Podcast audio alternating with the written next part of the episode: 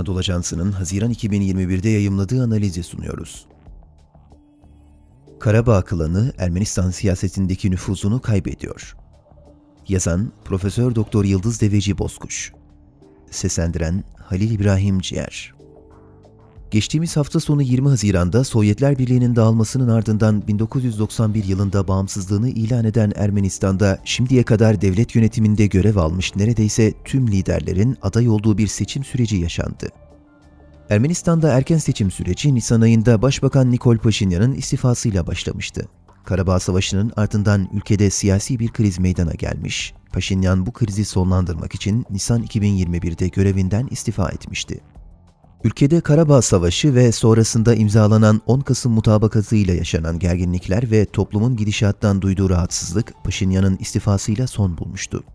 Sandıktan çıkan sonuçsa Ermenistan'da halkın artık ülkede barış ve huzura olan ihtiyacının önemli bir göstergesi oldu.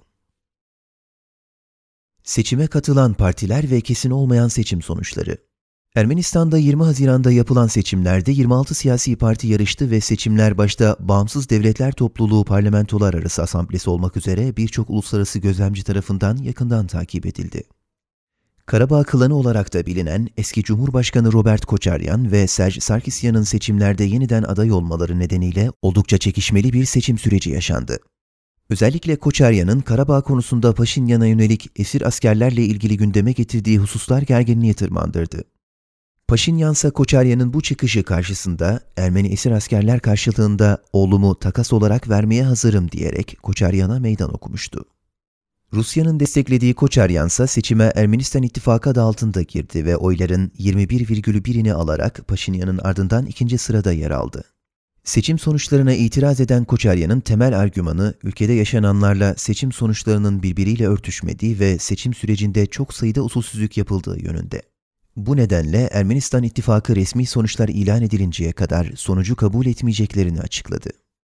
Seçimlerde Serge Sarkisyan önderliğindeki Onurum Var İttifakı ise %5,23 oy aldı. Levon Terpetrosyan ise Ermeni Ulusal Kongresi İttifakı ile seçimlere katıldı. Seçimde ayrıca daha önce istihbarat şefi olarak da görev yapan Artur Vanetsyan da yer aldı. Seçimde diğer partiler Müreffeh Ermenistan %3,96, Cumhuriyet Partisi %3,4, Ermeni Ulusal Kongresi %1,54, Parlak Ermenistan Partisi de 1,22 oranında oy aldı. Seçim sonuçları nasıl yorumlanmalı? Ermenistan'da halk artık savaş değil barış ve huzur istediğini sandıkta gösterdi. Paşinyan'ın yoğun olarak oy aldığı yerler arasında daha çok uzak bölgeler bulunurken Koçaryan ise en fazla oyu merkezden aldı.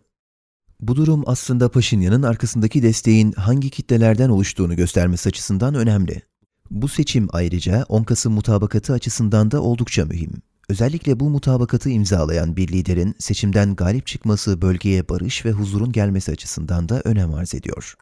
Sonuç olarak seçim sonuçlarıyla ilgili muhalefet ve Rusya'daki Ermeni diasporası tarafından usulsüzlükler olduğu dile getirilse de ilerleyen günlerde bu konuda uluslararası gözlemcilerin yayınlayacakları raporların dikkate alınmasında yarar var. Nitekim Rusya'daki Ermeni diasporasının Koçaryan'ı ciddi anlamda desteklediği ve bu yönüyle batıdaki Ermeni diaspora yapılarından farklı bir özellik taşıdığının da hatırlanması gerekiyor. Paşinyan'ı önümüzdeki günlerde yoğun bir günden bekliyor olacak. Rusya'nın da ilerleyen dönemlerde bölgede oluşturulacak barış ve istikrara katkı sunma konusunda istekli olduğu bir döneme girilmiş durumda.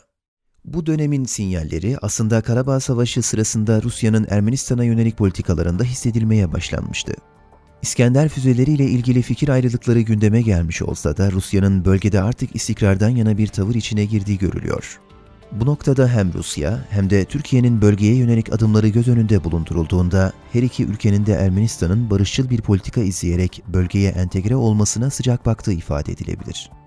Seçim öncesi Paşinyan'ın sıkça Türk yanlısı olarak suçlanması ve Ermenistan'da darbe girişimi sırasında Türkiye'nin yaptığı ılımlı açıklamalarda göz önünde bulundurulduğunda iki ülke arasında ilişkilerin normalleşmesi için uygun bir zeminin oluşmaya başladığı da söylenebilir. Bu noktada Paşinyan'ın hem kendi halkının kaderi açısından hem de bölgesel barış ve istikrar için bir an önce dış politikada önemli adımlar atması bekleniyor.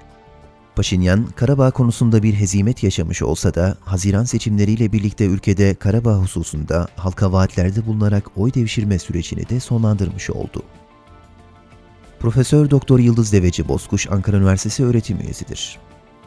Spotify, SoundCloud, Apple Podcast ve diğer mecralardaki podcastlerimizi dinlediğiniz için minnettarız. Lütfen abone olmayı unutmayın.